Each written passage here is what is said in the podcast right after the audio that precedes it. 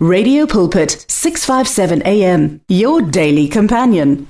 Sanibonani sanibonani balalele emakhaya egameni lenkosi ethu Jesu Christ waseNazaretha this is your favorite pastor one and only pastor Bimoyo egameni lika Jesu laphaya ePretoria Arcadia Hotel okanye Arcadia Center silaphaya ke thina 515 Johannes Ramkwase Street egameni lika Jesu noma ungafaka nje GPS yakho uthi Arcadia Hotel. Nawufika nje uthi ufuna iChrist Family Assembly CFA mfundisi umoyo. Hayi uzongithola ke khongasazi laphaya egameni lika Jesu Kristo waseNazaretha. Siyabonga kakhulu inkosi yomusa inibusise. uNkulunkulu wenza izimangaliso kuleya ndawo. Abagulayo bayaphila abangasebenzi bathola imisebenzi ishosha ziyaphakama imungulu ziyakhuluma impumputhe ivuleka amehlo ithulu ziyezwe endlebeni kuningi ngakhuluma ngibale ngingaqedi uNkulunkulu uyasebenza amandla kamoya ingcwele ayasebenza uJesu bazalwane nguyizolo nguye namhlanje kuze kube ngunaphakade akaguquki futhi akashintshi. Is the same yesterday today and forever. Mangisho njalo ngiyabingelela kuzo zonke ingceku zikaThixo abaphathi bemfihlakalo abagcotshwa bafundisi onyawonhle egameni lenkosi yethu Jesu Kristo waseNazaretha obaba bevangeli omama bevangeli. Siyabonga kumzimba kaKristu ibandla lonke jikelele. Ngiyabingelela mangisho njalo egameni lenkosi yethu Jesu Kristo waseNazaretha inkosi yomusa ayinibusise ngendlela emangalisayo. Sisaqhubeka ke ngendaba yethu kaMark chapter 5 nizokhumbula kahle last week besikhuluma ngendaba kaMark chapter 5 uhambo lukaJesu nabafundi. Uma uJesu ethi asiweleleni ngaphesheya. Lithi iBhayibheli endleleni. Babhekana nesivunguvungu nesiphepho kodwa uJesu wavuka wakhuza isiphepho wakhuza ulwandle lwathula lwathi cwaka egameni lika Jesu Kristu. Bathe nje nethi nabe bewelela ngaphesheya lithi iBhayibheli eh bahlangabezana nenye inkinga. Ungathi ngiyabona besafakaza besajabulile. Lithi iBhayibheli khona lapha eGadara kwakukhona indoda yayigijelwe ngamadimoni. Phakathi kwayo kwakukhona ulegion. Legion simply means 4000 angels. Or other way on other words is 4000 demons. Kusho ukuthi le ndoda yayinamadimoni awu-4000 ngaphakathi kwayo. More than that egameni likaJesu Kristo now lithi iBhayibheli le ndoda yayingasahlali nabantu. Yayisihlala ekuphi? Emathuneni. Now ngibaletha kahle abazalwane ngibakhumbuza kahle ngikhumbuza ngikhumbuza imemory yakho before ngishumayela so that nawe uunderstand ngoba sizovele sifunde phakathi nendawo egameni lika Jesu now makade na uqala uzomanga manje sesivele siku Mark chapter 5 verse 10 kwenzakalani la egameni lika Jesu? I'm putting you up to speed. Ngamanye amazwi ngigijima nawe ukuthi uunderstand ukuthi sikuphi namhlanje egameni lika Jesu. Silapho ke uJesu eba ne conversation nalendoda yayinamadimoni egameni lika Jesu. Now Mark chapter 5 from verse from verse 9 ngizoqala from verse 9 lithi iBhayibheli wasembuza ethi ungubani igama lakho na? Waphendula wathi kuye nginguligiyona igama lami ngokuba sibaningi. Verse 10 wayesemncenga kakhulu ukuba angabaxoshi kulelozwe. Now ngifuna ukuthi uunderstand la lana sikhuluma ulegion kahle kahle yidemon elibamba isizwe sonke ngoba into abayincenga kuJesu la ukuthi Jesu uma usixosha ungasikhipha emntwini kodwa ungasikhipha endaweni. Angiphinde. In other words bathi kuJesu ungasikhipha kulomuntu asinankinga ngoba vele Jesu namandla uyindodana kaNkuluNkulu you are very powerful. Futhi asikwazi kumelana nawe. Kodwa siyakuncenga. Sicela ukuthi mawusikhipha kulomuntu ungasikhiphi nasendaweni. Sikhiphe kulomuntu kodwa endaweni khona khona ungasixoshi. Ngoba le ndawo we are very territorial. Le ndawo ngeyethu. So namhlanje ngizo-addressa ke imimoya yama-territory ukuthi ibonakala kanjani. Ama-territorial spirits ama-territorial demons ngoba lezi zinto izinto okumele uzi-understande ngoba awukwazi ukulwa ungazi ukuthi ulwa nani. Into ebalulekile abazalwane okumele bayi-understande ukuthi njengoba athi umpostoli uPaul asilwi nenyama negazi silwa nemimoya yemibuso yobumnyama imimoya yasemkhathini imoya yamandla. Kumele uunderstand ukuthi yiwuphi umoya olwa nawo.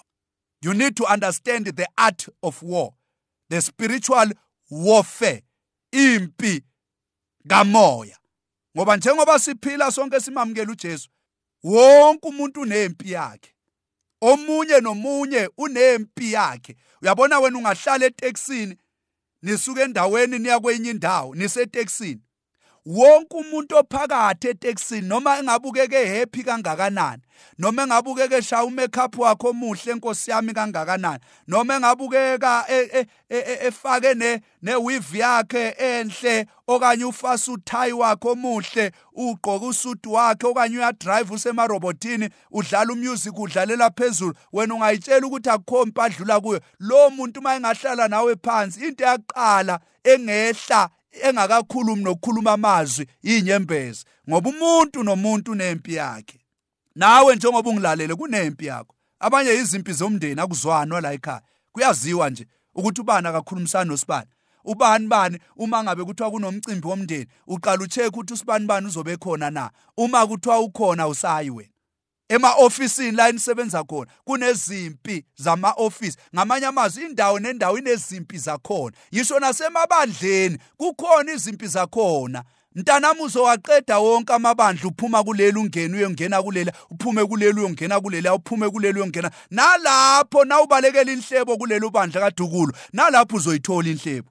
Mawubalekelwa ukuthi wena bakulimazile ngentshumayelo umfundisi wakho u-straightforward wena usensitive. Hey nala uyakhona ngelinye ilanga as long as ungawu-addressanga umoya ukuba sensitive nala uyakhona basazoshumayela ngesimo odlula kuso. Uzocabanga ukuthi bapersonal khona umuntu engimsizayo egameni likaJesu. Impilo yimpi. Yonke indawo kunezimpi zakhona. Now lithi iBhayibheli verse 11 kwakukhona lapho ngasentabeni umhlambo omkhulu wezingulube owawuklabhile verse 12 yamncenga imimoya engcolileyo yathi sithumezele sithumele ezingulubeni ukuze singene kuzo. Verse 13 wayivumela yaphuma ke imimoya engcolileyo yangena ezingulubeni. Umhlambi wakhalakathela eweni waphonseka olwandle lo mhlambi wawizi 2000 zezingulube eza ezaminza olwandle. Now sengiyaqhubeka ke ngendaba yami but ake ngidlule kancane. Lithi iBhayibheli verse 14 ababezelusile babaleka bayobika emzini nasemaphandleni. Abantu beza ukuzozibonela ngawabo okwakwenzekile. Bafika kuJesu bambona obe namadimoni ehlezi embethe. In other words le ndoda ayisihlala inqunu emathuneni. Futhi esesangululukile engqondweni lo owayenoligiona base besaba lisho njalo iBhayibheli besaba kakhulu. Labo ababezibonele ngawabo babalandisa ukuthi kwenzakaleni kulowo muntu owayenamadimoni. Nokwenzeka ezingulubeni. Base beqala ukumxhenxa ukuba aphume aphele ezweni lakubo. Now lithi iBhayibheli kuthe lapho uJesu engena esikebheni lo wayenamadimoni wamncenga ukuba ahambe naye. Kepha uJesu wamnqabela. Kunalokho wathi kuye hamba uye ekhaya kwabakini ubabikele ukuthi kungakanani inkosi ekwenzele khona yakuhawukela. In other words uthi uJesu le testimony ukuhamba nama kuze ukusisiza wena hamba uyofakaza. Itestimony iyona enamandla. Abantu bazothi nabezwa ukusebenza kukaNkuluNkulu ukuthi uNkulunkulu ukusebenzele kangakanani ukwenzeleni ukukhulule kanjani ukulwele kanjani kulesimo kade ukuso. Abantu abaningi bazokholwa inkosi uJesu. Now verse 20 wahamba ke waqala ukulanda ngalokho emizini elishumi konke lokhu uJesu ayemenzele khona bamangala bonke. Ngamanye amazwi mlalele ekhaya itestimony ibalulekile kakhulu. Wena ungazumangala ukuthi kanti waye abafundisi belwa kangaka uma eh uNkulunkulu esesebenzile bese siyathula thina singabazalwane? It is because masithula sivumela umoya kaLegion ukuthi ubuse endaweni. Abantu abakazi ukukhululeka uma singeke sifakaze ngamandla kaJesu. Ngamanye amazwi mangade mangabe kade wena ungasebenzi for iminyaka weze enkonzweni wathandazelwa mfundisi wakho wakuthandazela okanye imali zakho zakhululeka okanye waphila ungathuli nalobo bufakazi. Hamba uyofakaza kuze abanye abantu bazi ngamandla kaJesu ukuthi kukhona uJesu okhululayo kukhona uJesu ophumelelisa abantu. Mawungafakazi wenza ukuthi abantu bafane naloya mama wayephethwe ngumopho for 12 years elithi iBhayibheli wagijima wagcwala inyanga zonke ngoba efuna usizo. Uma singeke sifakaze thina siyibandla likaKristu ukuthi uKristu unamandla abantu bazoya endaweni zobumnyama bayofuna usizo khona. I'm sure bayangizwa abalaleli emakhaya.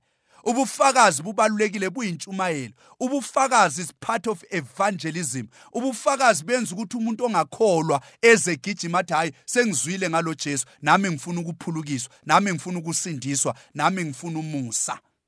Now lithi iBhayibheli ngigoqe nje indaba yami kafishane. Nizokhumbula uJesu ukhuluma nalendoda ephethwe ngamadimoni. Over 4000 ngaphakathi kwayo. But lamadimoni abonakali ngesimo senyama. Aphakathi emntwini kodwa am more than 4000 now lithi iBhayibheli amadimoni ancenga uJesu athi kuJesu Jesu siyakwazi ukuthi wena ungubani uyindodana kaNkuluNkulu eyodwa. Siyacela sicela ungasihluphi sicela ungasihlukumezi. Okungale kwalokho sicela umusa usenzele umusa singene ngamane singene nawo umhlambi weingulube ungasikhipha kulomuntu kodwa ungasikhiphe ezweni. Kucela amadimoni hayi mobazalwane uma idimoni linamandla okucela izinto kuJesu ngoba lithi iBhayibheli uJesu wawavumela wathi awangene eingulubeni kangakanani bazalwane ngabazalwane abakholwa abantwana bakaNkuluNkulu? Uma singamcela kahle uNkulunkulu uNkulunkulu uzosenzela manje esikufunayo uma kwacela amadimoni ukuthi uJesu angawaxoshi endaweni uJesu wawenzela. Kangakanani ngawe wena okholwayo? Kangakanani wena ngawe ungumntwana kaNkuluNkulu? Kangakanani wena ngawe uthi uJesu uyinkosi nomsindisi? Hayi man uNkulunkulu uyawuza umthandazo wakho. uNkulunkulu futhi uzowuphendula. Lithi iBhayibheli yacela le ndoda engulegion ena 4000 spirits ngaphakathi kwayo. Yathi no ngamane ke usikhuze kodwa singene emhlambini singaphumi endaweni. Ngoba kukhona amadimoni aspecializer ngendawo ayazi ukuthi noma engangenanga ebantwini kodwa as long as angahlala nje territorial abesendaweni anamandla oku-influence abantu bendawo. That is why ubone kwezinye indawo uma ke kwangena umuntu oyedwa obhema insango kuleyo ndawo uzobona ngokuhamba kwesikhathi after 2 or 3 years abantu abaningi kuleyo ndawo sebebhema bonke insango abantu abaningi kuleyo ndawo sebekuhunga. Abantu abaningi kuleyo ndawo nabo sebebhema inyawupe. Kwenze njani? It's a territorial spirit. Lo moya uyazi ukuthi uma uke wahlala endaweni. It's just a matter of time. Uzomthola oyedwa ozongena ngawo. Engangena lo moya ungangena ngomuntu oyedwa usuyazi ukuthi uzokwazi ukuhlasela isigaba sonke. Icommunity yonke ioffice lonke isonto lonke. Kodwa namhlanje ngizowukhalimela lo moya. Ngegama likaJesu akho territorial spirit akho territorial demon ezophinda ibusi lawule endaweni yakini. Ngiyamemezela njengoba iradio yakho namanje ikhala idlala. Amadimoni ayangizwa nyabopha ngegama likaJesu Kristo waseNazaretha. Ama territorial spirit ayingozi. Awadingi ukuthi angene ebantwini abaningi ukuthi aoperate. Angangena nje emntwini oyedwa afana necoronavirus. Angangena emntwini oyedwa ayakwazi ukubhebhetheka agcwale asabalale imizi yonke.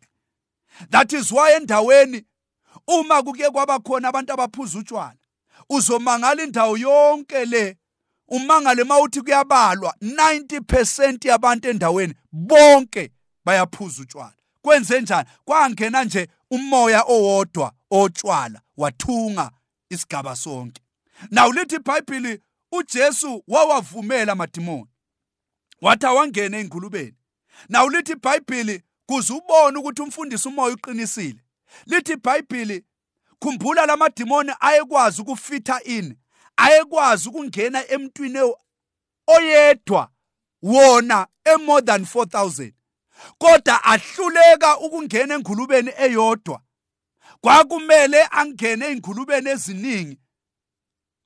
Now lithi iBhayibheli angena lawo madimoni engulubeni zagijima ingulube zayowela eweni zakhilikithela olwandle. Now ngikubonisa ukuthi umuntu ujule kangakanani.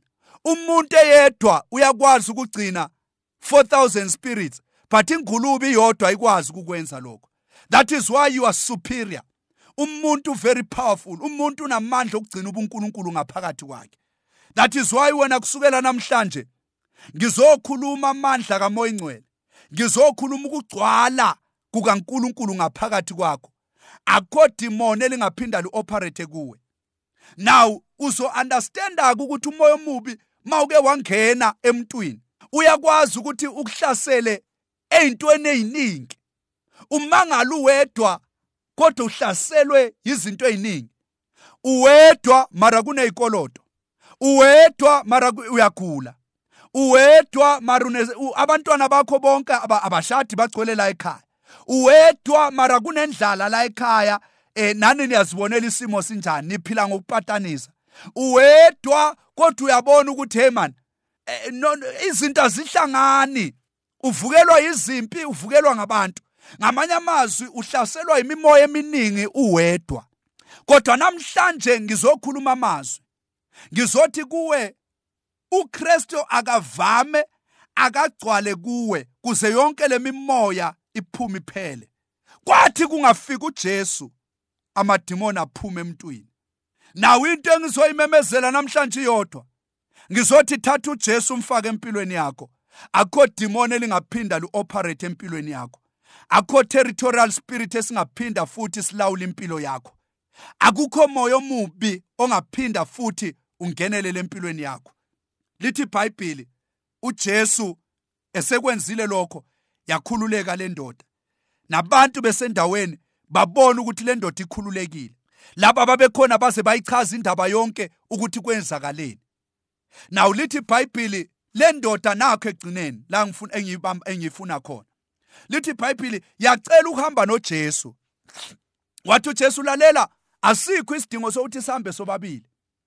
Wena the reason why uNkulunkulu ekusindisile uNkulunkulu ekukhululile kuyonke lemimoya it is because kusukela namhlanje usuzoba ngumvangeli waseSamaria usuzoba ngumvangeli waseGadara usuzoba ngumvangeli wakuyo yonke lemizi eseduze oGalili in other words ubufakazi bakho buzokwenza ukuthi ukhulume ngami ngoba akwazi ukuthi ukhulume ngokukhululeka kwakho ebantwini igama lami ungazange walibala.